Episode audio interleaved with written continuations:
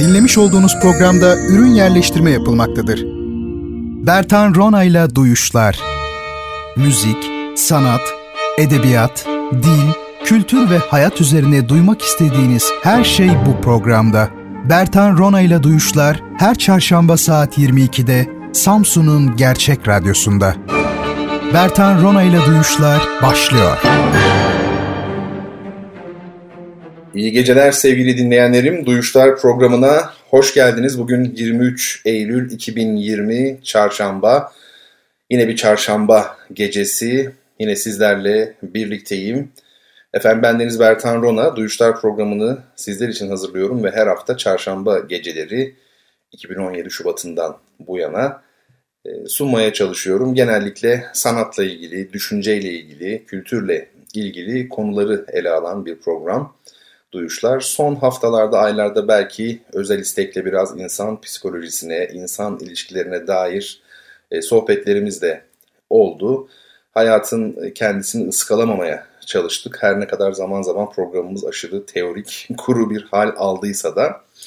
E, son haftalarda da daha çok tematik programlarla karşınızda oldum. Belli bir konuyu e, işleyen, ele alan daha doğrusu. Ders değil ki işleyelim yani. Değil mi? Ama işlemek tabii sadece o anlamada gelmiyor.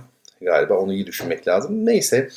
E, önceki programımızın e, konusu Anadolu uygarlığı idi. E, yani Anadolu'da tarih boyunca görülen e, uygarlıklar, daha doğrusu e, günümüzde dünya kültüründe bu uygarlıklardan miras olarak kalan nelerin olduğu.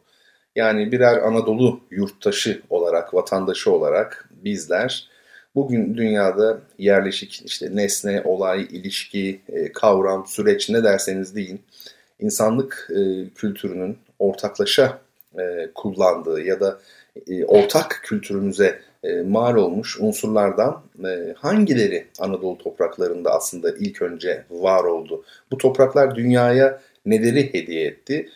Bunları konuşuyor idik. Bu haftada devam edeceğiz konuşmaya kaldığımız yerden ben tabii hatırlatacağım ilk e, kısımda, ilk bölümde neler konuşmuştuk e, diye. Öncesinde sosyal medya hesaplarımızı bir duyuralım. Twitter'da ve Instagram'da e, Bertan Rona e, adreslerindeyiz. Elektronik posta hesabımız yine bertanrona.gmail.com. Ee, onun dışında duyuşlar.gmail.com'dan da bize ulaşabilirsiniz. Spotify ve SoundCloud ise bizim geçmiş bölümlerimizi podcast olarak bulup dinleyebileceğiniz platformlar çok sevgili dinleyenlerim. Twitter'da ve Instagram'da takibiniz önemli. E, çünkü özellikle bu haftaki gibi konularda e, görsellere de yer veriyorum. Anlatırken e, bir taraftan anlattıklarımı dinleyip öte yandan o anlattıklarıma ilişkin görselleri takip edebilmeniz açısından Instagram hesabı önem taşımakta. Kitap hediyeli bir sorum olacak yine. Bu gece bir hediye kitabımız var. E, bu kitabın sorusunu da yine Twitter üzerinden soracağım. Bertan Rona hesabından. Cevabı da doğrudan oradan alıyoruz ama direkt mesajla değil. Bunu belirtelim. Hediye kitabımız nedir peki? Etin Cinsel Politikası. E, Carol Adams'ın bir kitabı. Ben de görüyorsunuz Amerikalı gibi. Carol Adams'ın bir kitabı falan. Hani öyle ya böyle ne kadar Amerikalı gibi okursak. bir tek bizde var galiba yani şeyde dünyada değil mi? Gerçi tabii Amerikan kültürü çok ciddi anlamda domine ediyor bütün dünyayı. Ne kadar Amerikalı gibi hareket edersek, davranırsak e, hem e, o kadar saygı görüyoruz hem de herhalde e, benliğimizde, iç, içimizde kendimize o kadar saygı gösteriyoruz yani tuhaf bir şey. Tabii zor konular bunlar. Şimdi Carol mesela Carol mu demek lazım, Carol mu? Çünkü yazılışı Carol mesela. Biz tabii e, ansiklopedizm diye de bir şey var. Şimdi Tchaikovsky Kiril alfabesiyle yazıldığı için Rus alfabesi biz onu İngilizlerin yazdığı gibi T ile C ile değil de kendi telaffuzumuz olan Ç ile yazalım. Tamam yazalım ama o zaman da literatürü ne yapacaksınız? İnternette aramayı nasıl yapacaksınız? Ç ile yaptığınız zaman Çaykovski'nin literatürün %99.9'u gider. Dolayısıyla hani Michael Jackson tamam Michael Jackson diyelim mesela Liverpool diyelim. Hani en azından şey bir denge yakalayalım falan da yani tamamen okumak eyvallah ama hiç benzetmemek de olmaz. Şimdi mesela Michael da Mijhael diye okumak ilginç çünkü bunlar da artık uluslararası kültürde yer eden şeyler. Yani Michael denildiği zaman bugün herhalde Tibet'e kadar dünyanın böyle en kapalı bölgelerindeki insanlar bile hiçbir şey duymasa Michael Jackson'ı duymuştur. Yani o adın Michael olarak e, telaffuz edildiğini biliyordur. Dolayısıyla yani bu konularda çok köşeli, çok kesin e, konuşmamak gerekir. Yani kurallar koyarken. E, herhalde ben duyuşlara hiç normal başlayamadım yani. Hep böyle bir beyin fırtınasından mı oluyor bilmiyorum. İlk söylediğim şeylerde aklıma bir şey geliyor falan alakasız böyle. Değil mi? O haftayla e, ilgisi olmayan bir şekilde gitmiş oluyorum. Şimdi efendim e, hediye kitabımız Etin Cinsel Politikası e, feminizm e, kapsamında e, önemli e, okumalar yapmak isteyen e, dostlara, dinleyicilerime duyurulur. Sorumuz da programın içerisinde gelecek. Şimdi e, geçtiğimiz e, bölümde ki bu bölüm aslında geçen hafta değil e, bir önceki hafta idi. Çünkü geçen hafta program yapamadık e, benim yoğunluğumdan ötürü. E, Anadolu kültürünün e, dünyaya hediyeleri nelerdir? Bu topraklardan doğan neler şu an dünyada biliniyor ve kullanılıyor? Ve gerçekten inanılmaz sayıda unsur var. Ee, bizler e, göğsümüz kavarık böyle alnımız açık bir şekilde gezebiliriz bu toprakların evladı olarak. Tabii dini, milliyeti, buna benzer şeyleri bir tarafa bırakıp her şeyden evvel Anadolu insanı olma. Yani bu topraklardaki bütün kültürü, bütün birikimi kendimize ait kabul etme bilinciyle hareket edebilirsek. Şimdi e, Anadolu'nun neresi olduğu üzerinde durduk. E, antik çağda Asya, Avrupa ve Lidya olarak yani Afrika'dan da Lidya olarak bahsediliyor bazı kaynaklarda. 5. yüzyıla kadar Küçük Asya yani Asya Minör dendiğini, 10. yüzyıldan itibaren Anadolu isimle rastlandığını. Bu da yükselmek anlamına ne? Yükselen ne? Güneşin yükselmesi. Yani demek ki batıdaki insanlar, Anadolu'nun batısında yaşayanlar bu adı koydular. Ki Asya da aslında aynen Asuva, güneşin yükselmesi demek. Ve tabii e, Halikarnas balıkçısının yani e, kendi düşüncesi olarak, ideolojisi olarak öyle söyleyelim, dünya görüşü olarak Anadolu'yu ortaya koyan, bunu benimseyen e, ve bu konuda e, müthiş e, düşünceler öne süren, benim de çok fazla istifade ettiğim ve açıkçası şu an sizlere anlatırken de büyük ölçüde, çok büyük ölçüde yararlandığım e, Cevat Şakir Kabaağaçlı yani Halikarnas balıkçısı ki bütün kitaplarını tavsiye ederim. Ama tabii Cevat Şakir Kabaağaçlı'nın yani Halikarnas balıkçısının bir edebi çalışmaları var. Yani romanları, öyküleri var. Bir de onun dışında düşün yazıları var. Düşüncelerini anlattığı bu kültür tarihine ilişkin, Anadolu'ya ilişkin e, kitapları var. Bir 10 civarı kitap. Özellikle bu kitaplardan başlamanızı tavsiye ederim. E, onlardan birinin adı da 6. kıta Akdeniz şeklindedir. Ve burada aslında Akdeniz'in bir kıta olarak telakki edilmesi gerektiği üzerinde durur balıkçı. E, hakikaten de biz tabii e, levhaları, kara parçalarını, yani tektonik olarak böyle büyük kara parçalarını kıta olarak tanımlama eğilimindeyiz. E, oysa şöyle bir baktığınızda mesela Afrika'nın kuzey kıyıları hakikaten de Afrika'dan çok Akdeniz'e benziyor. Ya da Avrupa'nın güney kıyıları işte Portekiz, İspanya, Fransa'nın güneyi, İtalya, Yunanistan, Adriyatik bölgesi şöyle bir baktığınızda Avrupa'ya yani bildiğimiz o Avrupa deyince belki Kuzey Avrupa daha çok akla geliyor. Oradan ziyade yine nereye benziyor? Akdeniz'e benziyor. Şimdi Türkiye'ye baktığınızda veya Suriye'nin batısına baktığınızda, Lübnan'a baktığınızda işte efendim İsrail'e baktığınızda, bu ülkelere, Mısır'a baktığınızda buralar da Doğu Akdeniz'e yani yine Akdeniz'e benziyor. Asya'ya benzemiyor. Dolayısıyla e, Türkiye'nin durumu zaten başka. Yani esas Asya İran yaylasından sonra başlar. E, bu açıdan bakıldığında Akdeniz'in başlı başına bir kıta yani 6. kıta Akdeniz diyor e, balıkçı. Biz de bunun üzerinde e, durduk. E, Anadolu Yarımadası'nın doğudan batıya göç için çok uygun olduğunu söyledik. Yani batıdan doğuya değil de çünkü Ege Denizi var arada batıda. Doğudan batıya göç için çok uygun olduğunu e, konuştuk. İonya ne demektir? E, bundan söz ettik. Dünyanın ilk efendim nüfus sayımının Anadolu'da yapıldığını nereden biliyoruz bunu? Luka İncil'inden biliyoruz. Augustus zamanında yani Roma İmparatoru Augustus zamanında dünyanın ilk nüfus sayımı bu topraklarda yapıldı. Bu olağanüstü bir şey değil mi? Dünyanın ilk nüfus sayımı bilinen, bilinen, bilinen ilk nüfus sayımı bu topraklarda yapılmış. Efendim e, ikinci Mehmet'in, Fatih Sultan Mehmet'in yani henüz e, Fatih olmadan, İstanbul almadan evvel kuşatma sırasında ya da öncesinde e, Papa'ya yazdığı mektuptan söz ettik. Burada Romalılar, Eneas, Troya, Traklar efendim geçiyor Değil mi? Bu konudaki vizyonunun inanılmaz boyutlarda olduğunu söyledik. Tabii siyaseten yazılmış bir mektup ama inanılmaz bir e, mitoloji, inanılmaz bir tarih bilinci, kozmopolitizm içeren bir e, mektup. Çok şeyden bahsettik. Uzun uzun artık bunlardan söylemeyelim. Yani Marcus Antonius'un e, sevgilisi Kleopatra ile birlikte Efes'e geldiğinde, Anadolu'ya geldiğinde yani bir jest olarak Bacchus kılığına yani Dionysos kılığına girdiğini söyledi. Bacchus, Dionysos şarap tanrısı bir anlamda biliyorsunuz ama Anadolu bir tanrıdır ve çok çok özel e, özellikleri vardır, ilginç özellikleri. Ya, o kadar çok seyri, e, söyleyebiliriz ki mesela Roma İmparatoru Hadrianus'un efendim e, gözde eyaletinin efendim e, Anadolu olduğunu, Edirne'yi kurdurduğunu, Diocletianus'un İzmit'i efendim e, mesela büyük bir Troya kurma hayalindeydi İmparator Konstantin. Daha doğrusu Troya'yı tekrar kurma hayalindeydi, yıkılan Troya'yı. Ama oradan vazgeçip e, İstanbul'u kuruyor. Yani eğer bugün vazgeçmemiş olsaydı bugün e, İstanbul şu anki yerinde değil de Çanakkale'de olurdu. Öyle değil mi? E, baktığınızda orası belki daha bile uygun aslında ilk geçiş noktası olarak. Ve tabii Anadolu'nun matriarkal kültüründen bahsettik. Yani ana erkil kültüründen bahsettik.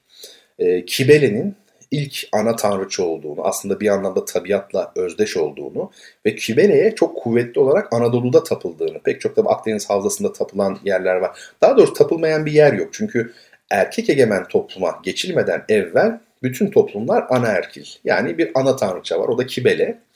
Efendim doğum olayından bahsettik. Tarıma geçildiğinde yerleşik hayata da geçilmek zorunda kalındığını ve bazı evcil hayvanların çiftleşme davranışlarının gözlenmesi sonucunda doğumda erkeğin de önemli olduğunu, e, insanın ilk defa o zaman anladığını söyledik.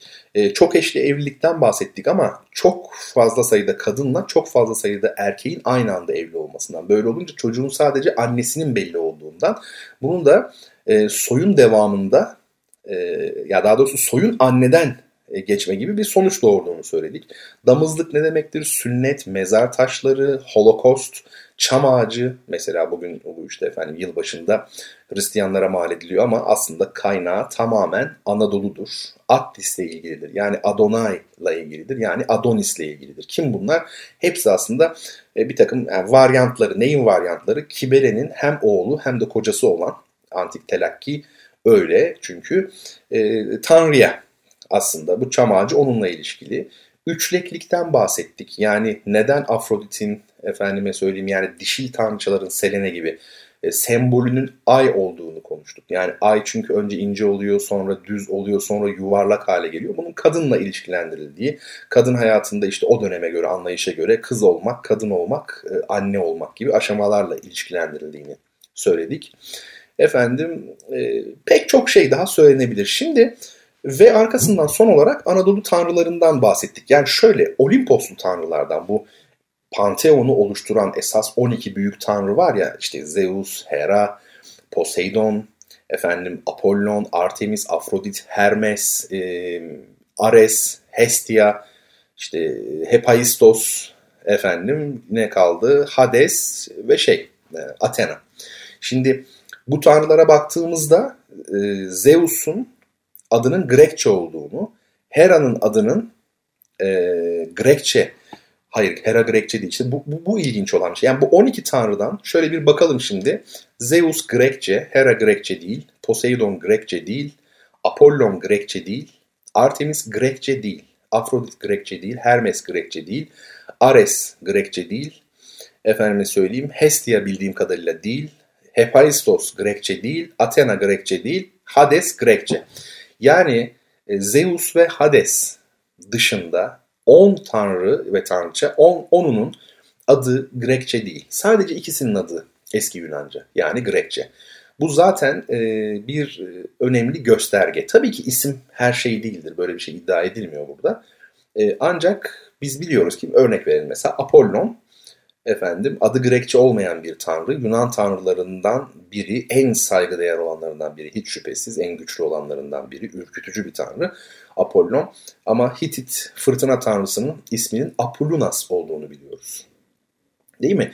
Yani hekimlik, okçuluk mesela gibi özellikleri var, müzisyenlik gibi özellikleri var. Peki mesela hekimlik deyince niye acaba akla Anadolu geliyor veya Hititler neredeydi? Öyle değil mi? Hekimlik denildiğinde her zaman Anadolu önde olmuştur. Her zaman. Ee, Marcus Aurelius e, Roma İmparatoru e, o mesela e, şey olmak için, tedavi olmak için Bergama Asklepion'una geldi. Epidaurus'a gitmedi, Bergama'ya kadar geldi tedavi olmak amacı. Asklepion hastane olarak düşünelim.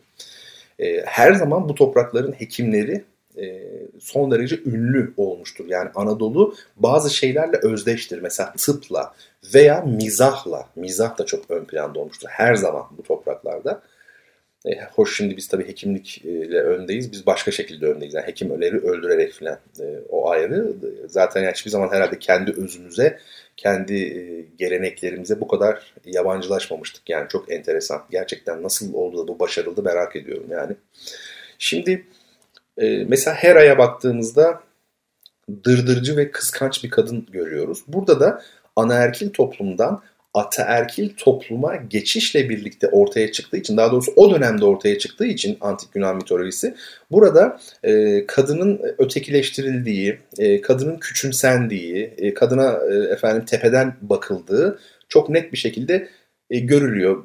Şeyi okursanız e, mitolojik temel kaynakları okursanız Zeus'un karısı Hera'nın bayağı dırdırcı, efendim kıskanç, zaman zaman Zeus'tan dayak yiyen, şaka yapmıyorum, aynen böyle bir kadın olduğunu görürsünüz Hera'nın. Efendim şimdi kolumuz bu e, tanrılar değil. Yani burada adlarının 12 ana tanrının ve tanrıçanın Olimpos olarak bilinen ana tanrı ve tanrıçanın aslında sadece ikisinin adının Yunanca olduğunu ortaya koymak. Yoksa üstlerinde uzun uzun tabii e, konuşulur. Bir de e, Olimpos Dağı meselesi vardı. Yani os diye bir son ek varsa o Grekçe değildir. Onu size söyleyeyim. Theos, Halikarnassos, Olimpos. Bu belli. Olimpos ne demek? Aslında bizdeki Uludağ gibi. Uludağ anlamı var. E, fakat e, bilinen Yunanistan'da bir tane e, bilinen Olimpos var. Kıbrıs'ta bir tane var. Anadolu'da 20'den fazla var. Ve e, bazı ilginç kaynaklarda e, güncel yani daha doğrusu çağdaş diyelim kaynaklarda e, o şeyin antik Yunan mitolojisinde bahsedilen Olimpos Dağı'nın Yunanistan'daki olduğu iddia ediliyor. Bu son derece komik bir iddia. Neye göre bunu söylüyorsunuz? Yani Anadolu'da 20'den fazla Olimpos Dağı varken mitolojide yani mekanın, zamanın e, neredeyse hiç olmadığı bir anlatıda yer alan bir dağın e, şu an coğrafyada var olan işte Yunanistan'daki o Olimpos olduğunu söylemek e, hakikaten ilginç. E, tabii Zeus'un sarışın ve mavi gözlü olduğu da e, yani bu kadar saçmalanmıştır. İşin tuhaf tarafı İlyada'da Zeus'un simsiyah saçları olduğu ve simsiyah zeytin gibi gözleri olduğu yazıyor iken. Yani öyle değil mi? Hani çok çok saçma bir e, çocukça bir yarış gibi e, değil mi yani yok Zeus'un saçları ne renkli ya bir zaten mitolojik karakterden bahsediyoruz ama bu bir ideolojik bakışı yansıttığı için yani bir oryantalizmi e, biz ve doğulular işte biz sarışınlar ve esmer tenliler gibi çok net bir ayrımı bir kategorizasyonu ifade ettiği için çok büyük anlamlar taşıyor aslında. O bakımdan üzerinde duruyorum. Tabii ki Zeus'un saçının e, ve gözlerinin ne renk olduğunun peşine düşmek çok e, anlamlı bir şey değil. Ancak e, Zeus'un sarışın olduğu çok iddia edilmiştir. Ben de diyorum ki yani bu zaten komik ama ne tuhaftır ki İlyada'da siyah saçlı ve zeytin gözlü olduğu, siyah gözlü olduğu açık bir şekilde yazmaktadır. Efendim şimdi şöyle bir e, bakalım. Tabii çeşitli efsaneler var Anadolu'yla ilgili bizim söyleyebileceğimiz. Bu efsaneler mesela Arahne efsanesi, efendime söyleyeyim işte Pelops'la ilgili efsane, Kentaurlar meselesi, Amazonlar, e, bütün bu anlatılar, söylenceler e, şunu gösteriyor ki bir takım kavimler Yunan e, ana karasından Troya Savaşı sürecinde yani Anadolu'yu kolonize etmek için, sömürgeleştirmek için geldiklerinde Anadolu'da ileri bir uygarlık buldular. Bu kesin. Yani bize anlatılan şey çok doğru değil. Nedir o bize anlatılan şey? Ee, yani burada e, yabanıl bir hayat vardı. Burada barbarlar yaşıyordu. Hiçbir şey bilinmiyordu gerçekten. efendime söyleyeyim Yunanlılar ki o zaman zaten Yunan diye bir kavram yok o da ayrı bir şey. Buraya geldiler Anadolu'ya geldiler ve buraya Yunanca getirdiler. Burada medeniyet öğrettiler. E, aslında tarihsel veriler biraz tersi olduğunu gösteriyor. Sanki burada daha çok medeniyet bulmuş gibiler. Hakikaten e, tuhaf ama gerçek. E, çünkü anlatılar, söylenceler, efsaneler e, bunun çok örneğiyle dolu. Yani bir örnek verelim mesela. Arahne bu Anadolulu bildiğim kadarıyla daha doğrusu hatırladığım kadarıyla bakarız tabii de Likyalı Anadolulu yani bir e, kadın. E, bu kadının e, efendim oğlu iğnenin mucidiymiş. Öyle söyleniyor. Yani iğnenin mucidi. Şimdi e, e, Athena yine yanlış hatırlamıyorsam tanrıça e, en iyi örgüyü ben örerim. Benden daha iyi ören, ören bir kadın çıkamaz e, diyor. Arahne de Anadolu bakın dikkat edin. E, onunla yarışa giriyor ve Arahne'ninki daha iyi oluyor. O daha iyi örüyor. Tanrıçayı alt ediyor. Ve bunun üzerine Tanrıça sinirlenip onu örümceğe çeviriyor. E, biliyorsunuz mitoloji böyledir. Her türlü nesnenin, olayın, ilişkinin bizim hayatımızda yer alan nesnenin, olayın, ilişkinin bir e, fantastik açıklaması vardır. Yani onlar birer karakter olarak yaşarlar mitolojide. Mesela örümcek bizim hayatımızın bir gerçeği. Her ne kadar günümüzdeki bu modern evlerde pek kalmamış olsa da örümcek zaman zaman karşılaştığımız, hele o dönemde sıklıkla karşılaşılan tabii bir canlı. Ee, önemli de bir canlı. Dini anlatımlarda kendine yer bulan bir canlı. Karakteristik özelliği olan bir e, böcek türü. Dolayısıyla işte ne oldu? Örümcek bu şekilde var oldu. Yani o aslında arahne. Bak hala efendime söyleyeyim örgü örüyor. Ne kadar ilginç bir tablo değil mi eski dünya? Her şeyin bir açıklaması var yani ve aramızda yaşıyor bu açıklama böyle ete kemiğe bürünmüş bir biçimde. Şimdi burada bakın arahnenin e, kötülendiğini görüyoruz. Örümceğe dönüştürüldüğünü görüyoruz. Ki aslında bu açıkça kıskançlık demektir. Athena'nın da biz e, daha çok hani Ege'nin batısına ait bir tanrı olduğunu düşünecek olursak Artemis öyle değil, Apollon öyle değil. Ama Athena öyle. O bakımdan burada işte bu kıskançlığın ve ileri bir medeniyet bulmanın örnekleri var. Pelops efsanesini bir inceleyin derim. Pelops. Pelops e, efsanesi e, Hipodemeya, işte efendim Seis meselesi, hipodrom, e, at meydanı olayları da var bu işin içinde. E, baktığımızda burada yine Anadolu'dan gelen bir kişinin e, daha üstün at kullandığını görüyoruz. Şimdi şöyle bir şey var. E, bu e, Greco-Romen dünyasında süvarilik yoktu. Bakın bugün filmlerden, tarihi filmlerden bilirsiniz mesela Roma ordusuna baktığınızda hani atın üstünde giden süvariden çok hep at arabası şeklindedir Romalıların savaş düzeni. Ya piyadeler vardır ya da at arabaları vardır. Tabii çok teknik güzel arabalar. Şeyde de böyle. Yunanlılar da böyle daha çok arabanın üstünde savaşma. Yani süvari pek yok. Bakın şimdi mesela kentaurlar vardır. Kentaur ne demek? Bunu aslında hepiniz bilirsiniz. Hiç mitoloji okumamış olan bile çeşitli işte filmlerde falan e, bilir. Mitolojik filmlerden bilir. Önden bakıldığında insan gibi görünen ama yandan bakıldığında at olduğu anlaşılan varlık. Bu varlıkların nitelikleri tartışılır. Kentaurlar. Yani önden bakıyorsunuz insan ama yandan at gibi anlaşıldı zannediyorum ne demek istediğim. Yani atın ön ayaklarının aynı zamanda insanın ayakları olduğunu düşünün. Şimdi bu aslında bir soyutlama. Ne demek bu? Ee, Yunan anakarasından gelen kavimler, Troya Savaşı ile birlikte Anadolu'ya yerleşen kavimler hayatlarında ilk defa burada, bu topraklarda, Anadolu'da ne gördüler? Süvari gördüler. Yani e, bir e, atı tek başına kullanan, araba olmaksızın üzerine binerek kullanan bir insan gördüler. Önden bakıldığı zaman nasıl görülür bu? Önden baktığınız zaman o kişi dik bir şekilde duruyor. Yandan baktığınızda sanki işte o kentaura benziyor. Yani kentaur dediğimiz şey aslında süvari olgusundan duyulan şaşkınlığın, bu olguya karşı beslenen hayranlığın bir dışa vurumu, bir soyutlamasıdır. Ee, çok fazla örnek verilebilir. Amazonlar mesela. Ki bu arada kentaurlarla ilgili e, şunu söyleyeyim. E, Hitit kaynaklarında Akayeva prenslerinin, dikkat, Akayeva prenslerini. Telaffuzlarım doğru olmayabilir yani çünkü o bilmek lazım nasıl okunduğunu tam olarak. Akayeva herhalde. Ve de kim bunlar? Akalar. Yani e, Troya'yı istila edenler temelde. E, bu e, Akaların prenslerinin kendilerine gelip Hititlere gelip şar kullanmayı öğrendikleri yazıyor. Yani at arabası kullanmayı öğrendiler bizden. Düşünebiliyor musunuz? E, Troya'yı fetheden Akaların prensleri Hititlere gidip Anadolu'ya gidip orada e, eğitim alıyorlar. Dolayısıyla kentavurlar meselesini abarttığım düşünülmesin. Amazonlar Amazonlar Termodon yani bugünkü Terme Irmağı. Neresi oluyor? İşte efendim Samsun'un Terme ilçesi, Ordu, o bölge. Efendime söyleyeyim. E, bu e, bölgede ana vatanları burası olan kadınlar. E, bir açıklamaya göre Amazon yani işte memesiz demek bu. Sözüm ona işte efendim ok çekerken e, efendim sol e, memelerini kesiyorlarmış ki işte hani çekebilmek için hani yay çekiyorsunuz ya oku fırlatacaksınız yay çekerken ne oluyor göğsünüze kadar çekmeniz lazım. E işte engel olmasın diye sol göğüslerini kestikleri gibi. Bu tabii bir halk etimolojisi yani Amazon kelimesini Yunanca, Grekçe olarak açıklama çabası ile ilgili. A olumsuzluk öneki. Apati mesela vardır ya böyle A olumsuzluk ötesi. Mason meme demek Amazon memesiz. Tabii bu biraz şey halk etimolojisi gerçekte e, bu başka bir dilden muhtemelen. E, Amazonlar erkeksi, efendime söyleyeyim çok e, savaşçı kadınlar. Amazonlarla ilgili efsaneler anlat anlat bitmez. E, Troya Savaşı'nda Amazonların yardıma, Troya'ya yardım etmeye geldiklerini e, anlatan e, eski kaynaklar bile var. Şimdi e, bugün çok ilginçtir o bölgenin Karadeniz'in kadını hala böyle çok cevvaldir, çok acardır, çok güçlüdür, dayanıklıdır. Hakikaten insanın inanası geliyor yani.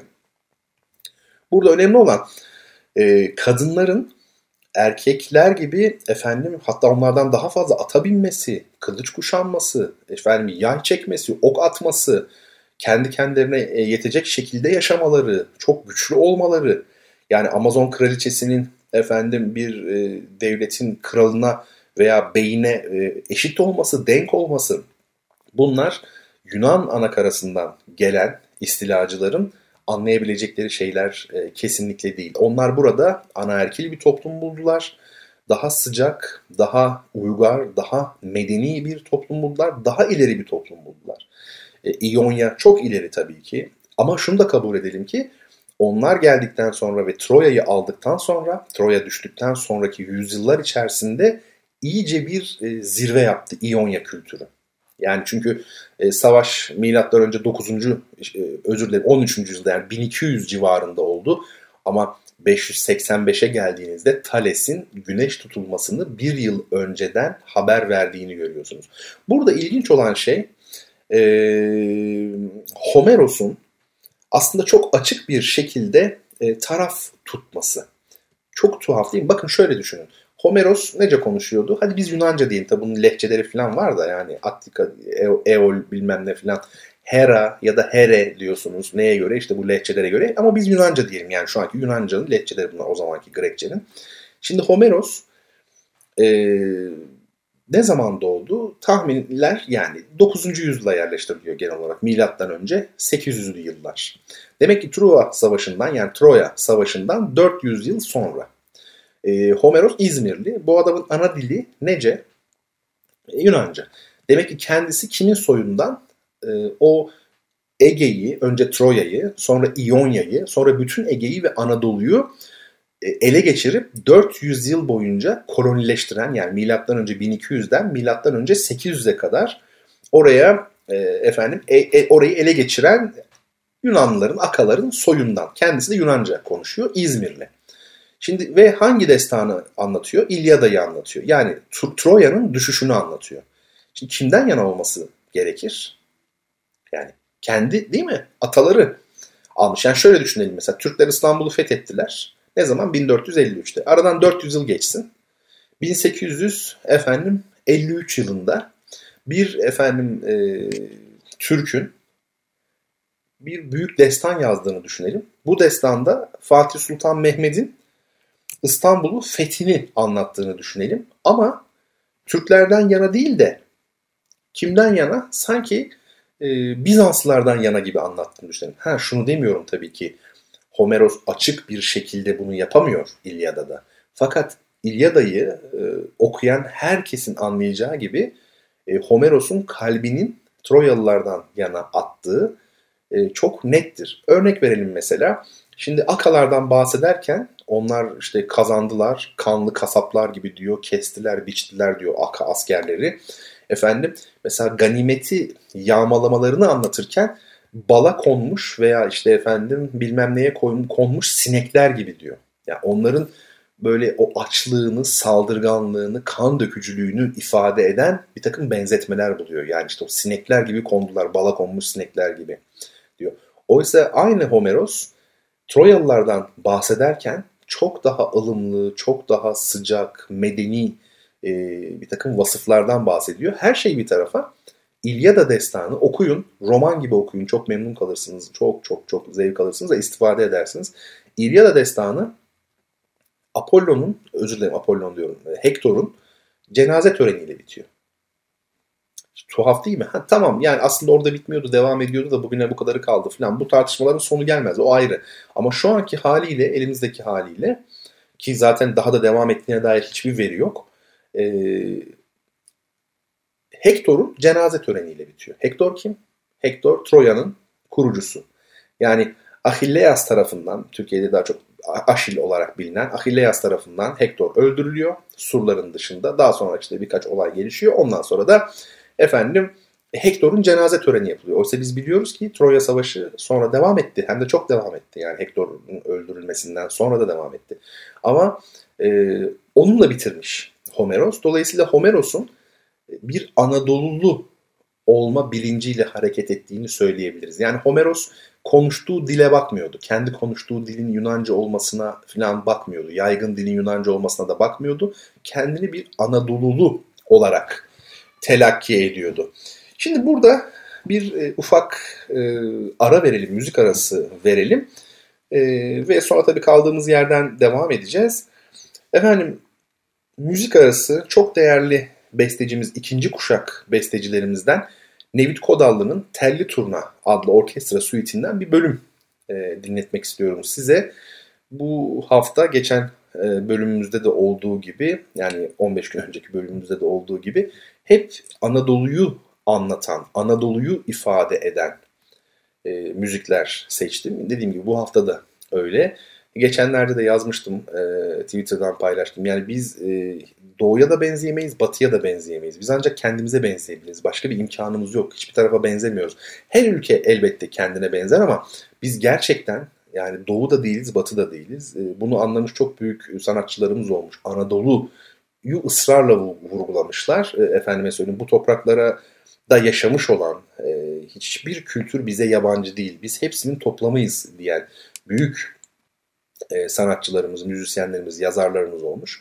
Şimdi Nevit Kodallı'yı da o yüzden seçtim. Ahmet Adnan Saygun var bu gece. Yine Ferit Tüzün var. E, bu eserleri hem beğenerek dinleyeceğinizi hem de bu düşünsel kapsamda değerlendireceğinizi ümit ediyorum. Nevit Kodallı'nın Telli Turna adlı bir orkestra suiti var. Ondan bir bölüm e, dinleyeceğiz. Borusan Filarmoni Orkestrası e, seslendiriyor. Orkestra şefi Gürer Aykan.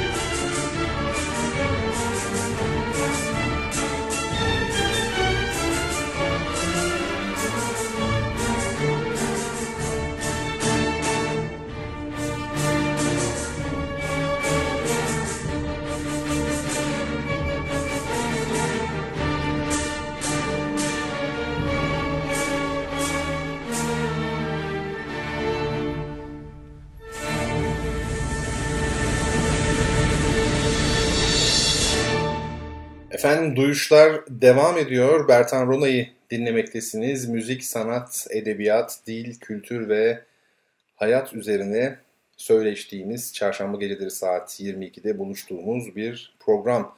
Duyuşlar Nevit Kodallı'nın Telli Turna Orkestra Sütü'nden bir bölüm dinledik. Borusan Filarmoni Orkestrası seslendirdi. Orkestra şefi Gürer Aykal'dı. Efendim programımızın bu bölümünde Anadolu kültürünü e, konuşuyoruz.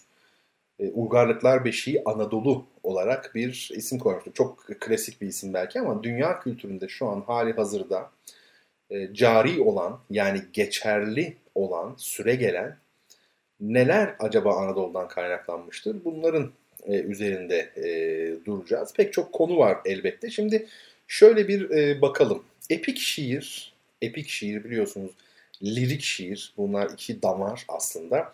Bunlar nerede doğdu? Epik şiir ve lirik şiir e, nerede doğdu? Dünya üzerinde diye bakacak olursak. E, şimdi e, epik şiirin babası şüphesiz Homeros'tur. Homeros İzmirlidir. Platon'un e, idea kelimesi vardır. Biliriz bunu hepimiz değil mi? İdealar aleminden, dünyasından bahseder. İdealizm adı da oradan gelir bu düşünce anlamına ve aslında görünüş, görüntü anlamına da gelir. E, antik çağda yedi şehir e, Homeros'un kendi hemşerileri olduğunu iddia etti. Yani Homeros burada doğdu dediler. E, şimdi ama bu yedi şehirden sadece Kolofon, İzmir ve Kios'ta yani Sakız adasında İyonca konuşuluyordu. E, biz de biliyoruz ki Homeros'un dili İyonca değil mi? Kolofon, İzmir ve Kios'ta e, İyonca konuşuluyordu. İlyada'da Eol etkisi var. E, oysa Kios'ta Eol etkisi e, söz konusu değil. O zaman ne kalıyor? Kolofon, Değirmendere oluyor galiba kolofon ve İzmir kalıyor. Ama Homeros'un lakabı Melezigenes. E, melodi kelimesini bu kavramla ilişkilendirenler var. Af buyurun İzmir'in böyle yıllar boyunca çok kötü kokan bir şeyi vardı. Hani Körfez'den böyle geçilirken otobüsle falan belediye otobüsüyle insanlar ya da özel araçlarıyla burunlarını kapatma ihtiyacı duyarlardı. E, kanalizasyon körfeze aktığı için işte orası melez e, çayı. Ve yıllarca şey gördük biz İzmirliler olarak melez çayı ıslah çalışmaları. Şimdi gençler belki e, çocuklar bilmiyorlar yani her zaman normal bir e, şekilde geçiyorlar oradan ama eskiden öyle değildi. Bu melez çayı aslında Homeros'un doğduğu nokta diyebiliriz. Yani lakabı Melezigenes melezli demek. Melodi kelimesi de onunla ilişkilendirenler var dedim size. Ee, İskender İzmir'i Melez kıyısında e, kurdurtmuştu. Ve bir de Roma dönemi e, İzmir sikkelerinde, Roma döneminde İzmir'de basılmış olan sikkelerde, yapılmış olan sikkelerde Homeros'un resmi var. Bütün bunlardan da anlaşılacağı gibi Homeros İzmirli. Yani kolofonlu veya kioslu değil, bal gibi İzmirli ve epik şiirin babası, dünyaya epik şiiri, destanı armağan eden kişi demek ki Anadolu'dan. Lirik şiir dediğimiz şiirin belki de babası diyebileceğimiz kişi Anakreon.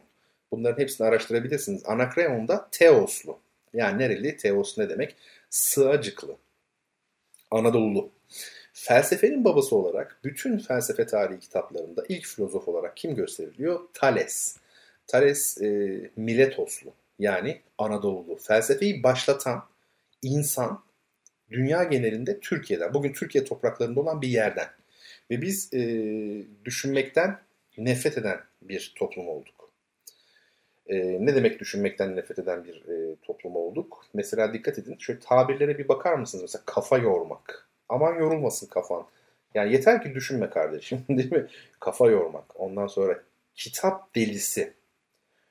Yani kitapla ilgili başka şeyler söylenebilecekken kitap delisi yani okuyana bir küçümseme, bir tepeden bakmak ki zaten hep gündeme geliyor biliyorsunuz. Yani biz böyleyiz. Biz okuyan insanı sevmeyiz. Enayi gibi görürüz. Bu da aslında köy kültüründen kaynaklanıyor. Dejenere olmuş köy kültüründen daha doğrusu kaynaklanıyor. Gerçek köy kültürü tabii değil.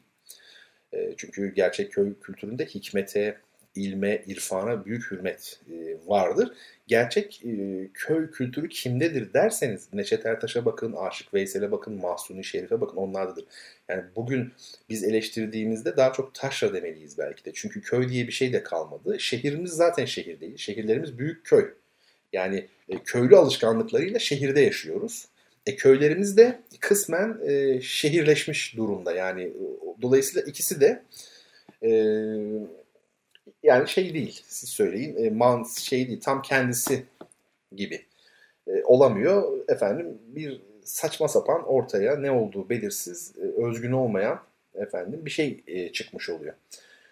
Yani yoksa eleştirdiğimiz şeyleri de iyi tanımlamamız gerekiyor tabii ki. Şimdi milattan önce 28 Mayıs 585'te güneş tutulması olacağını bir yıl önceden söylüyor Thales. E mesela Öklit geometrisinin çoğunun Thales'e ait olduğu da söylenir. E, temel e, madde olarak yani arke olarak bütün varoluşun ana kaynağı olarak suyu önermişti Thales ki hidrojen bugün temel element diyoruz mesela bakın ve aynı tarihlerde yani bu e, Thales'in yaşadığı dönemlerde antik Yunan'da insan kurban edildiğini biliyoruz. E, yani aradaki farkı bilmem anlata e, biliyor muyum? Dolayısıyla e,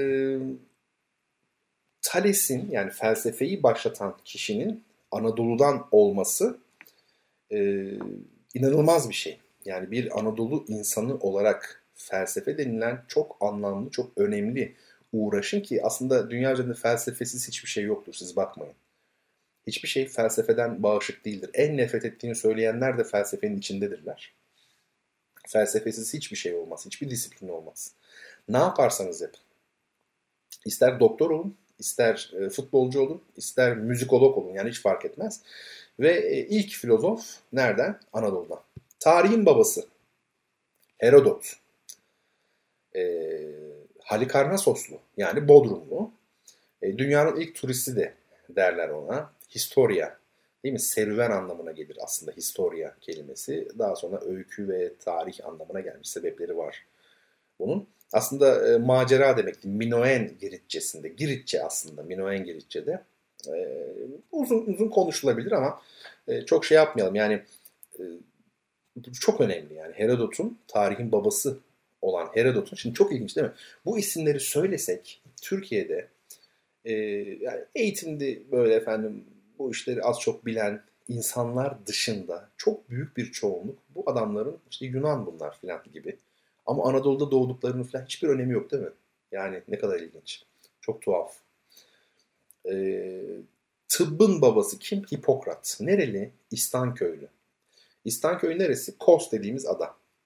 Ne demişti Hipokrat? Ars longa vita brevis. Yani bunu hayat uzun sanat kısa diye çeviriyorlar. Sanattan ziyade meslek diyelim biz buna. Çünkü o dönemde bugünkü anlamda sanat söz konusu değil.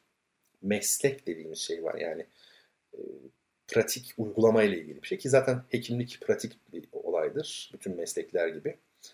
E, merhemin iyileştiremediğini bıçak iyileştirir. Bıçağın iyileştiremediğini ateş iyileştirir. Ateşin iyileştiremediği ise iyileştirilemez demiş. Yine bir başka e, sözü ancak insan sevgisi olan yerde meslek sevgisi olabilir demiş. Elbette. Çünkü bütün uğraşlar insan içindir. Bütün meslekler insan içindir. İnsan için çalışmıyorsanız kim için çalışıyorsunuz? Yani laboratuvarda işte insanoğlunun ortak yararından efendim azade sadece kendi ilmime bakacağım ben derseniz işte orada atom bombası da yapılır, askeri silahlar da yapılır öyle değil mi? Oysa insanın yararıdır. O bakımdan insan, ancak insan sevgisi olan yerde meslek sevgisi olabilir. Olağanüstü bir söz.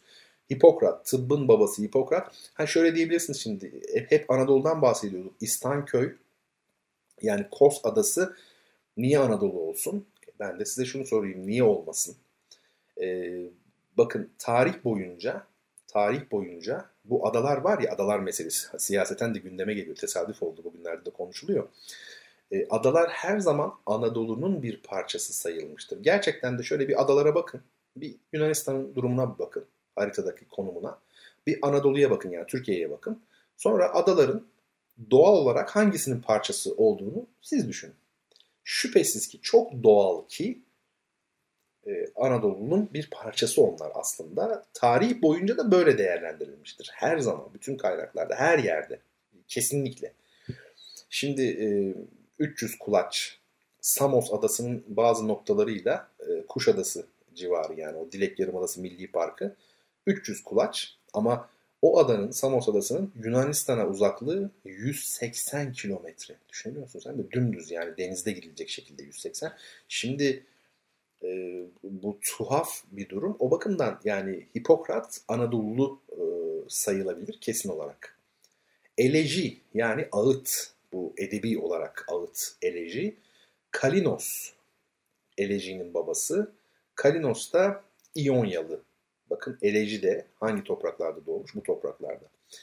Hipodamos diye bir isim duydunuz mu? Hipodamos. Bu adam Miletoslu. Ve rasyonel urbanizmin e, yani şehirciliğin diyelim. Şehirciliğin babası dünyada ilk defa bu işten bahseder. Izgara planını ortaya koyan. Izgara var ya. E, bugünkü New York mesela tamamen Hipodamos'un önerdiği plana göre aslında çizilmiş oluyor.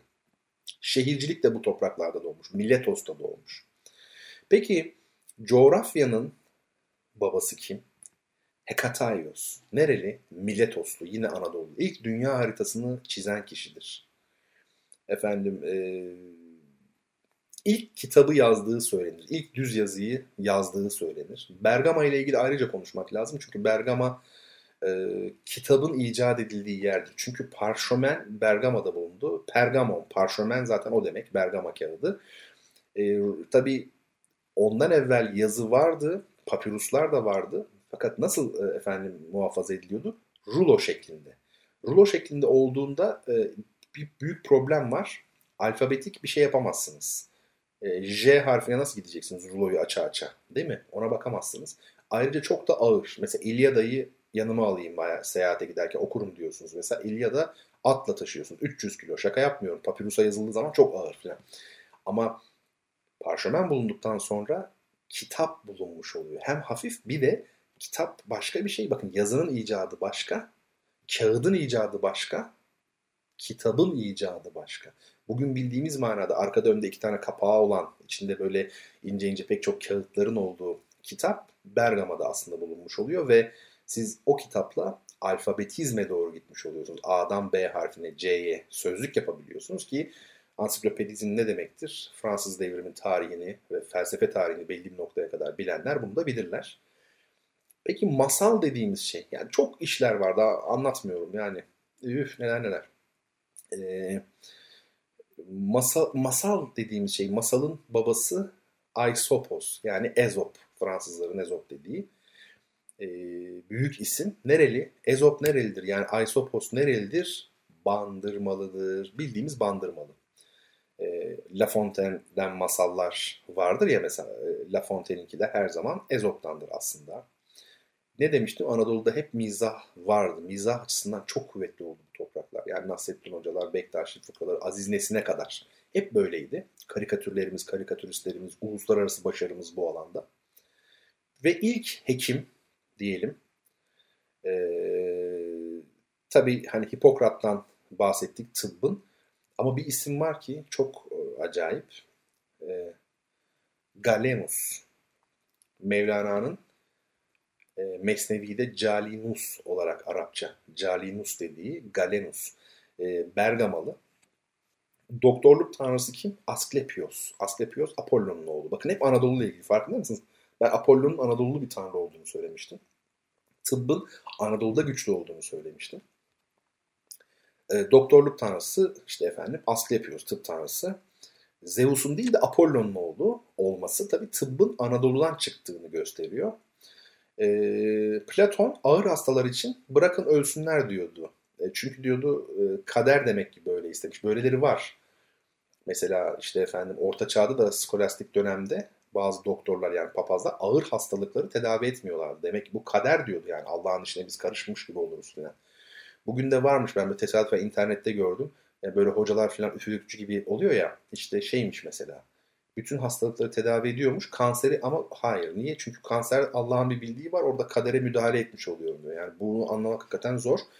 E, Platon, koskoca Platon e, ağır hastalar için mutlaka ölmeleri lazım. Hiç tedavi görmemeliler e, diyordu. Çünkü orada bir hikmet var diyordu. E, bu dediğim gibi yani şeyde de görülecek bu Hristiyan doktorlarında daha sonra e, Karakalla Roma İmparatorluğu ve bir de dediğim gibi Marcus Aurelius e, Epidauros Askulepion'una yani hastanesine değil de çok daha uzak olduğu halde Bergama e, yani hastanesine gitmişlerdi tedavi için. Bunu da ifade edelim. E, Galenus'u unutmayalım. Bergamalı bakın o da en büyük hekim. Nereli? Yine Anadolu. Apelles, antik çağın en büyük ressamı. Ne kadar büyük bir ressam biliyor musunuz? Efes. E, Efes'te şey yani e, Apelles Efesli. Önce onu söyleyelim. Doğduğu yer İskender, Büyük İskender kendi resminin Apelles tarafından yani Apelles dışında herhangi bir tarafından yapılmasını yasaklamıştı. İskender'in fermanı var yani buyruğu var kesin Büyük İskender'in. Benim resmimi diyor yalnız Apelles yapabilir. Apelles dışında hiç kimse benim resmimi yapmayacak.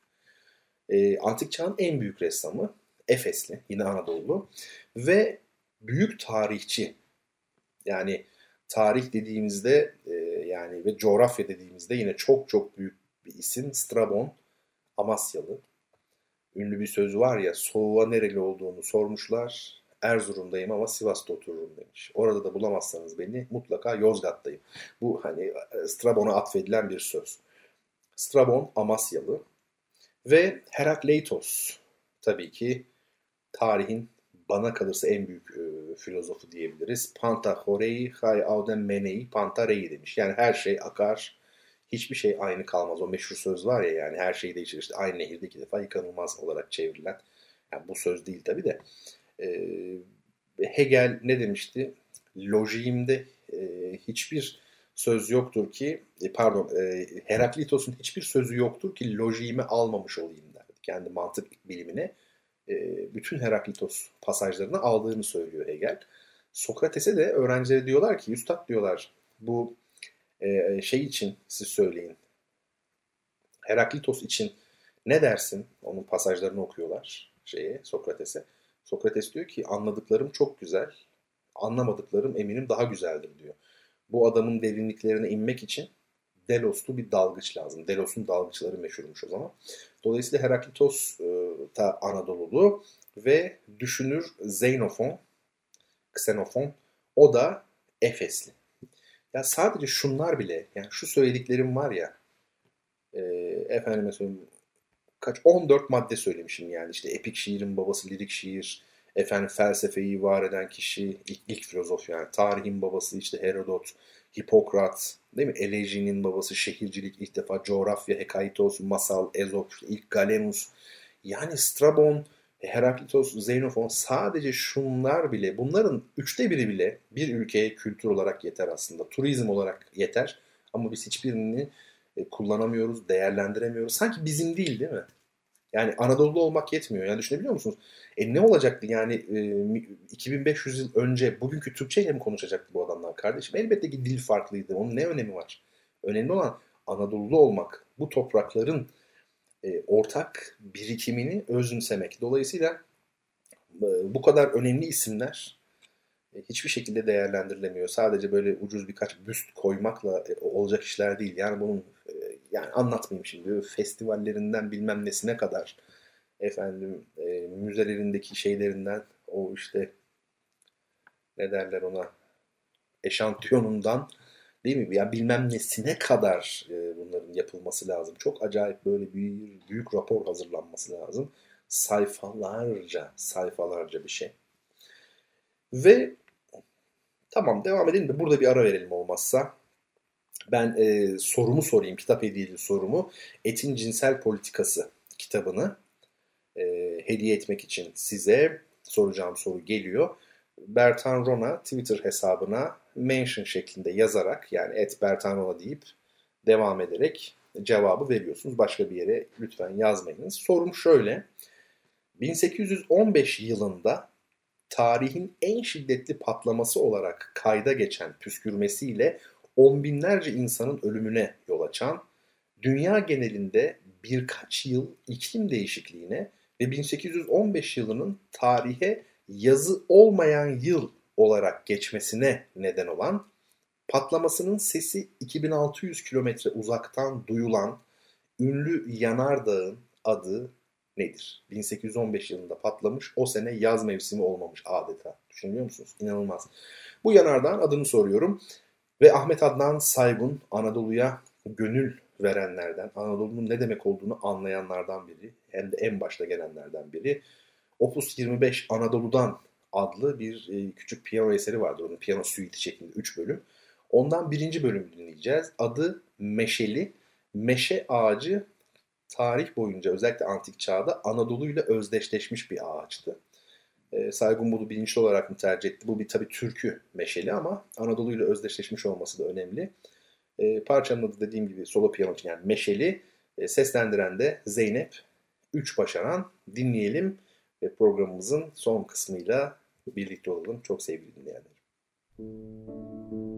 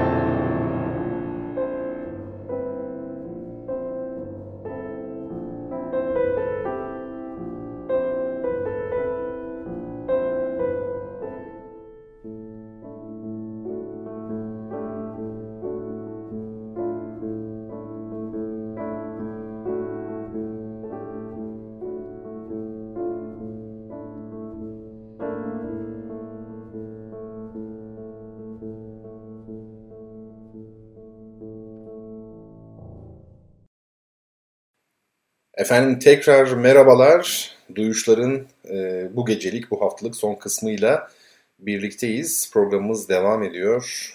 Henüz sona erdirmiş değiliz.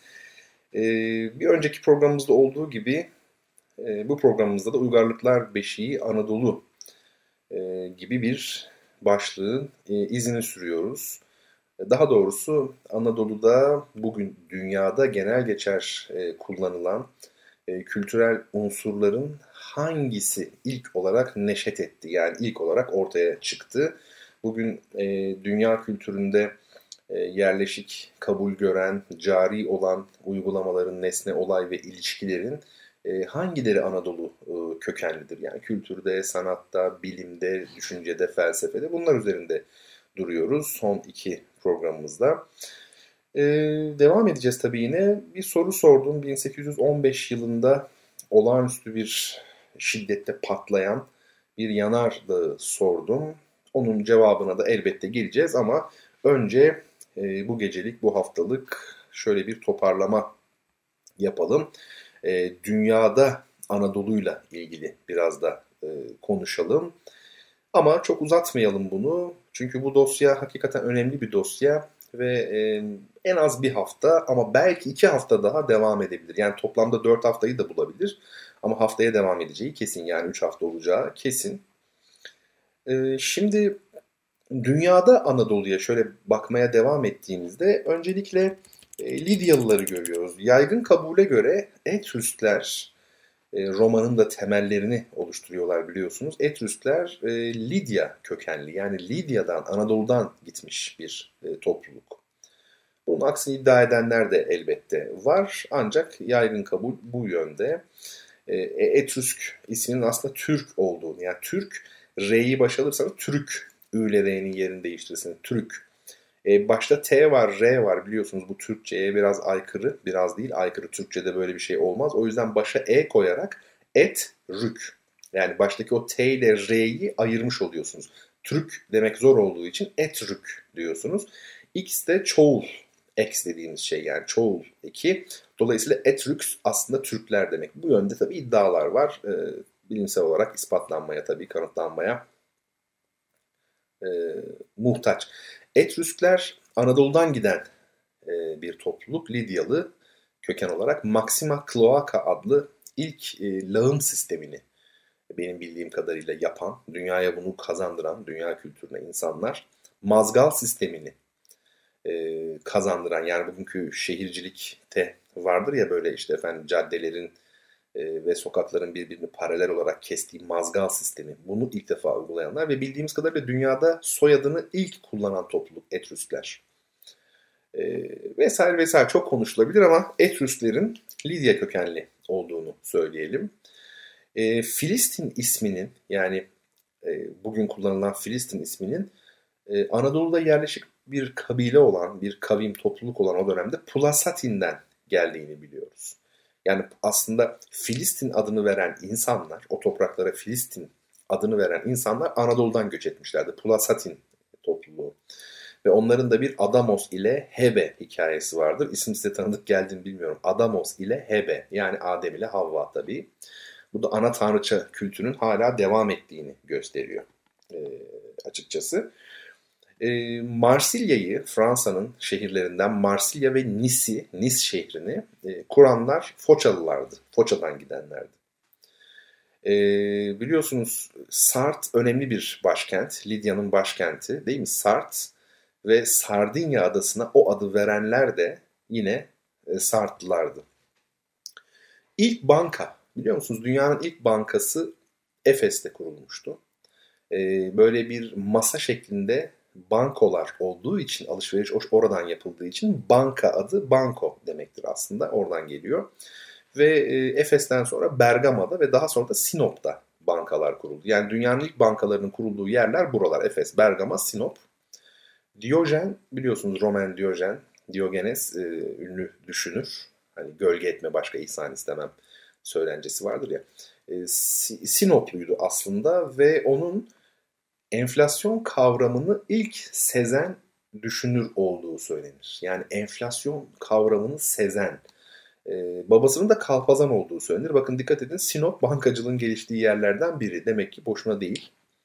O dönemde bankalarda tabii şiir patronajı da yapılırmış. Yani mesela diyelim ki zengin biri filanca konuda bir şiir istiyor. Oraya para asarmış o yapının o noktasına ve altına da istediği şiirin konusunu söylermiş veya şu isme bir şiir yaz falan gibi. E, bir şair de onu gördüğü zaman şiiri yazarmış, onu oraya yapıştırır, parayı alırmış. Demek ki şiir patronajı da aslında başlamış oluyor.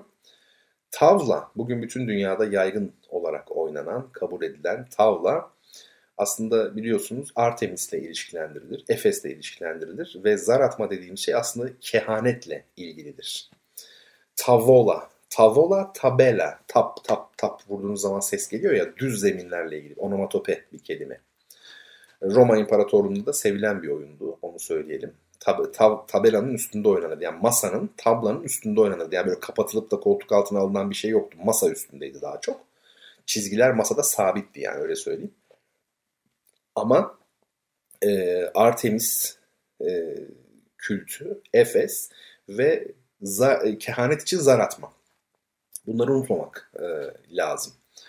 Kadeh tokuşturmanın da biz Lidya kökenli olduğunu biliyoruz ve kralların birbirlerine güvenmek için kadehleri tokuşturarak yani zehir varsa herhangi birinin kadehinde diğerinin içine bulaşsın düşüncesiyle sert bir şekilde tokuşturduklarını e, okuyabiliriz çeşitli kaynaklarda. Kadeh tokuşturma bu Lidya merkezli.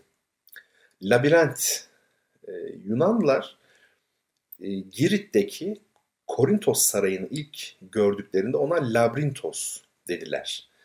Neden Labrintos dediler? Labris şekilleri vardı çünkü duvarlarda. Labris çift taraflı balta demek. Ee, Anadolu'ya has aslında. Daha doğrusu Girit e, tabii temelli. Anadolu'da da çok görülen e, bir e, alet yani savaş aleti öyle söyleyeyim. Çift taraflı balta tabi o dönemin teknolojisi için çok ileri bir şey. Bu çok korkutucu. İki tarafı da keskin olan bir balta savaşta kullanılıyor. Efendim bunun adı Labris ve e, Korintos Sarayı'nda Girit'te o dönemde işte efendim duvarlarda hep bu Labris resimleri veya kendisi asılı durduğu için Labrintos demişler o saraya. Ve çok ilginçtir. Ee, Yunan anakarasından gelenler Anadolu'yu ele geçirdikten sonra Troya Savaşı ile birlikte Anadolu evlerini gördüklerinde bu evlere labirent dediler. Neden öyle dediler? Labrintos'a benzettiler. Çünkü Labrintos o dönem için e, Korintos Sarayı yani inanılmaz büyük bir saray. Yani o dönem dünyada var olan yapıların en karmaşığı ve Anadolu'daki evleri gördüklerinde bunu da çok karmaşık buldular. Çünkü kendileri neredeyse mağaraya benzeyen evlerde kalıyorlardı. Çok kötüydü. Ee, ama Anadolu'da öyle değil. Mesela şimdi bizim bu işte 4 artı 1, 5 artı 1, işte 3 artı 1 daireler var ya böyle işte efendim. Düşünün şimdi siz mağarada yaşıyor olsanız e, bu tür bir daire size ne gelir? Labirent gibi gelir hakikaten de. Bu da ilginç bir şey. E, mağara kelimesi megaron'dan geliyor gibi bir şeyler okumuştum ama bu tabi açıklanmaya muhtaç çünkü etimoloji sözcükleri böyle söylemiyor. Yani antik Yunan evleri olan megaronların mağarayla aynı kelime oldu. Megaron ya. Ama sözcükler biraz farklı söylüyor. Tabi bunların araştırılması lazım. Benim bu söylediklerimde e, çok e, yanlışlıklar da olabilir. Ama şu önemlidir. E, tekil olarak küçük yanlışların e, önemi yok. Burada önemli olan şey benim vurgulamak istediğim esas mesele. Yani o da nedir? Anadolu'nun bugün dünya uygarlığında kullanılan pek çok efendime söyleyeyim e, unsurun, var olan pek çok unsurun temelinde olduğu, e, son derece zengin olduğu. Tabii bunu abartmadan e, artık böyle cılkı çıktı yani hakikaten o kadar abartıldı ki. Dedim ya işte Apollo'nun Alp oğlandan geldiği, aslında Türk olduğu falan ve saçma sapan çok komik şeyler uyduruldu. Artemis er doğmuş falan. Bakire olduğu için falan gibi er doğmuş. Artemis o şekilde bulmuşlar. E, bunlar tabii abuk subuk şeyler. E, literatüre saygı duymak gerekir. Bilim ne diyorsa o. Elbette ki bu işin uzmanları var, bu dönemin uzmanları var, bu dillerin uzmanları var. Onların bilgi birikimi şüphesiz bizlerden çok fazladır.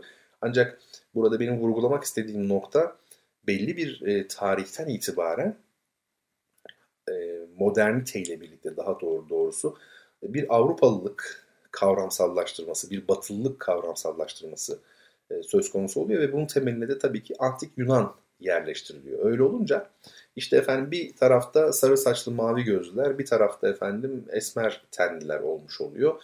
E, o cepheye ait olmayan, o mahalleye ait olmayan herkes barbar, cahil olmuş oluyor. Oysa ki Anadolu öyle değil, tam tersi. Bugün bakın bir 50, 60, 70 yıl öncesine kadar hayal olan e, şeyler. Kadeş Savaşı'nda Mısırlıların e, yenilmesi, hadi biz yenilmesi diyelim ona. Düşünebiliyor musunuz? Yani Anadolu'da bir imparatorluk olacak o dönemde. Mısır firavununa eş bir kralı olacak. Yazışacaklar karşılıklı. Ve bu e, topluluk Hint-Avrupa dili konuşacak Anadolu'daki topluluk. Ve Kadeş Savaşı'nda da e, ikinci Ramses Mısır firavunu canını zor kurtaracak. Yani ailesini ve canını zor kurtaracak. Kaçacak yani. E, şimdi bu inanılmaz bir şey ama yerleşik şeye, kabullere falan çok da uygun değil. Çünkü Anadolu genellikle yok sayılmış. Bunu kırmak lazım hakikaten. Ne kadar büyük bir zenginliğin üzerinde oturduğumuzu bilmek lazım. Ben de özellikle genç arkadaşlar bu konular üzerine düşünsünler. Bu kitapları okusunlar diye bu kadar şeyi anlatıyorum. Yani Yoksa başka hiçbir e, sebebi yok yani labirentten bize ne yani değil mi? Ama işte süvariyi ilk defa Anadolu'da görmüş olmaları batıdan gelenlerin. Efendim Anadolu'daki evleri bir labirent kadar karmaşık telakki etmeleri. Yani bir tarafta güneş tutulması olacak diyor adam bir yıl sonra. Öbür tarafta e, aynı dönemde neredeyse hatta daha da geç bir yüzyıl daha ileri olduğu halde işte e, insanları ağır hastalıkları tedavi etmeyin diyor Platon. Veya işte kuru soğan yemeyin, af buyurun gaz çıkarırsınız, ruhunuz e, yanlış delikten çıkar. Bu Platon'un sözleri bunlar yani. Kabul edelim. E, o yüzden İonya ile e, Yunan anakarasındaki uygarlık arasında çok büyük fark var. Ha, o tarafın önde olduğu ne var derseniz tabii ki tabii ki tiyatro. Yani çok açık söyleyelim. Çok. E, çok ya aradaki fark böyle e, ne diyelim dağla fare gibi mi diyelim ya yani öyle de demeyelim de yani çok devede kulak yani ha, öyle diyelim. İnanılmaz e, öndedir. Yunan anakarasından yetişmiş e, oyun yazarları.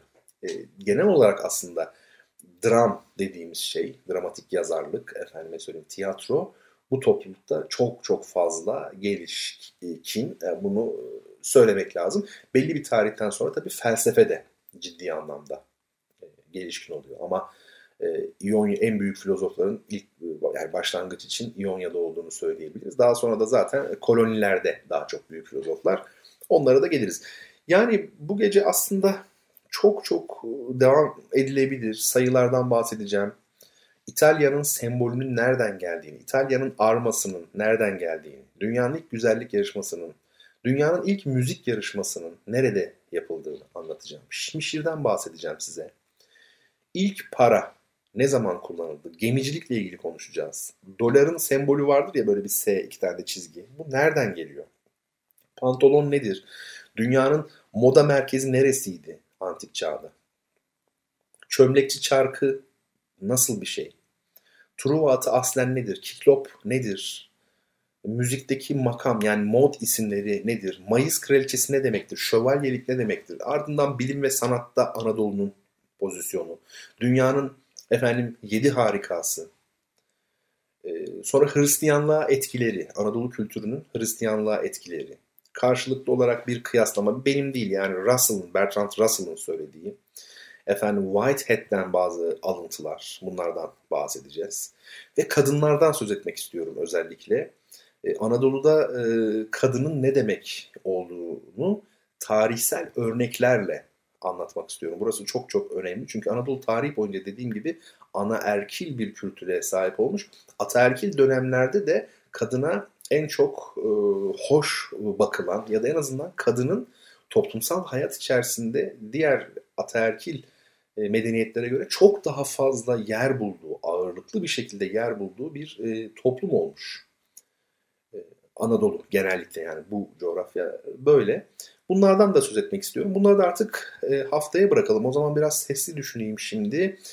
E, nerede kalmış olduk? En son dedik ki labirent dedik ve sayılarda kalmış olduk. Sayılardan da e, umarım e, devam edeceğiz. Şimdi bir soru sordum. 1815 yılında tarihin en şiddetli patlaması olarak kayda geçen püskürmesiyle on binlerce insanın ölümüne yol açan, dünya genelinde birkaç yıl iklim değişikliğine ve 1815 yılının tarihe yazı olmayan yıl olarak geçmesine neden olan, patlamasının sesi 2600 kilometre uzaktan duyulan ünlü yanardağın adı nedir? 2600 kilometre ileriden duyulmasının ne demek bir patlamanın? E, o zaman o patlama civarında olanlar ne duydular acaba? Allah muhafaza yani. Ne insanlar var değil? Neler yaşamışlar? Biz tabii bizim için kendi hayatımızın, dünyanın merkezi biziz. Yani bizim hayatımız. Oysa kaç milyar insan yaşadı, ne acılar, ne haksızlıklar.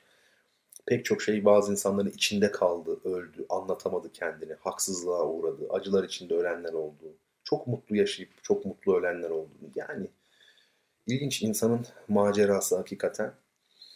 Ee, şimdi bu yanardağın ismi hmm, Tambora yanardağı.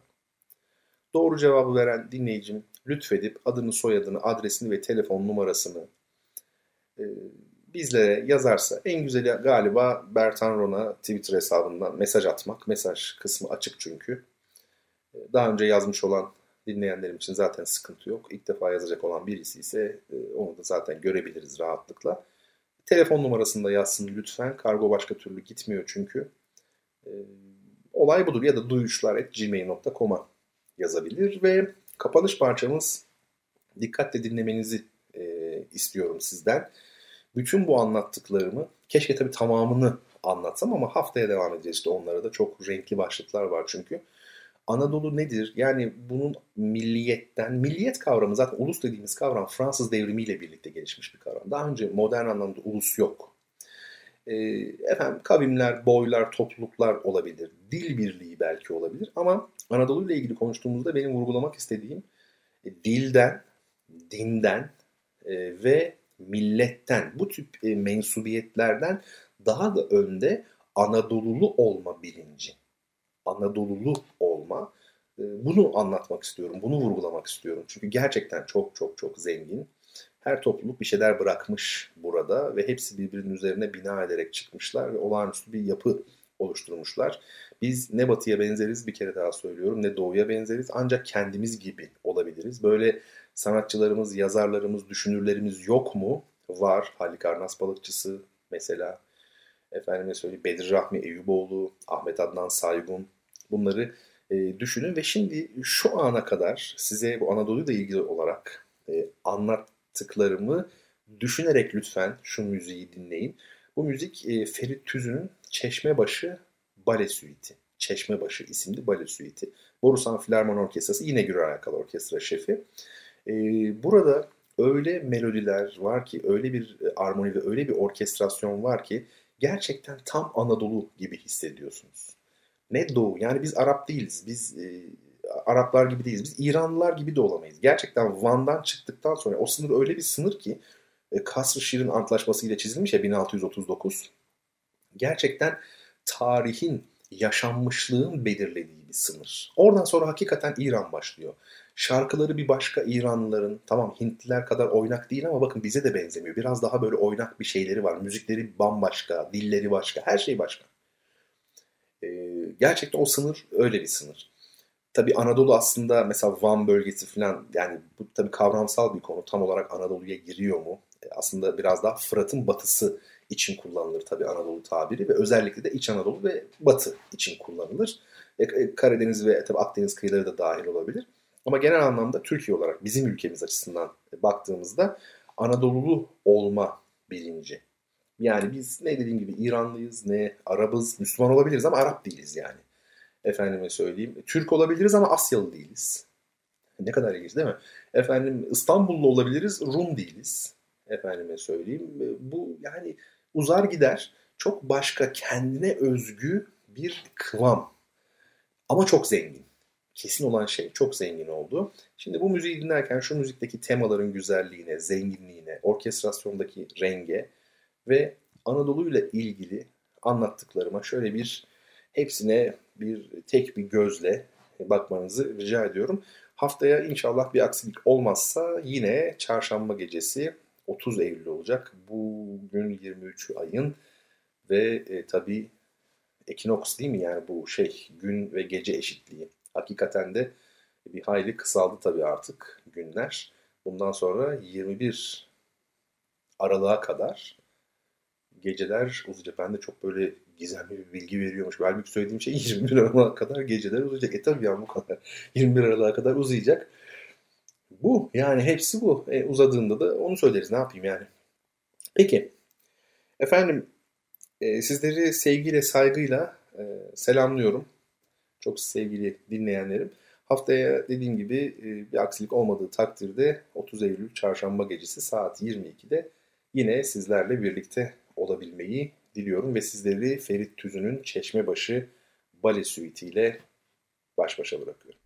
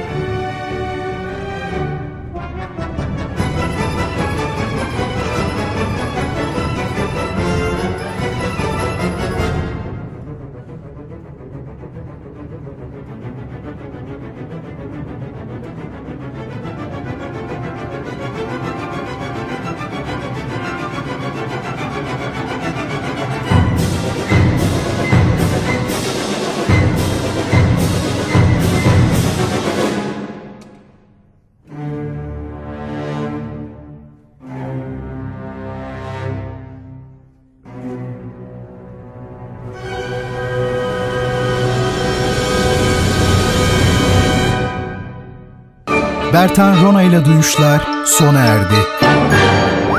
Bu program hakkındaki düşüncelerinizi dinleyen et radyogercek.com adresine mail atarak bize ulaştırabilirsiniz. Dinlemiş olduğunuz programda ürün yerleştirme yapılmıştır.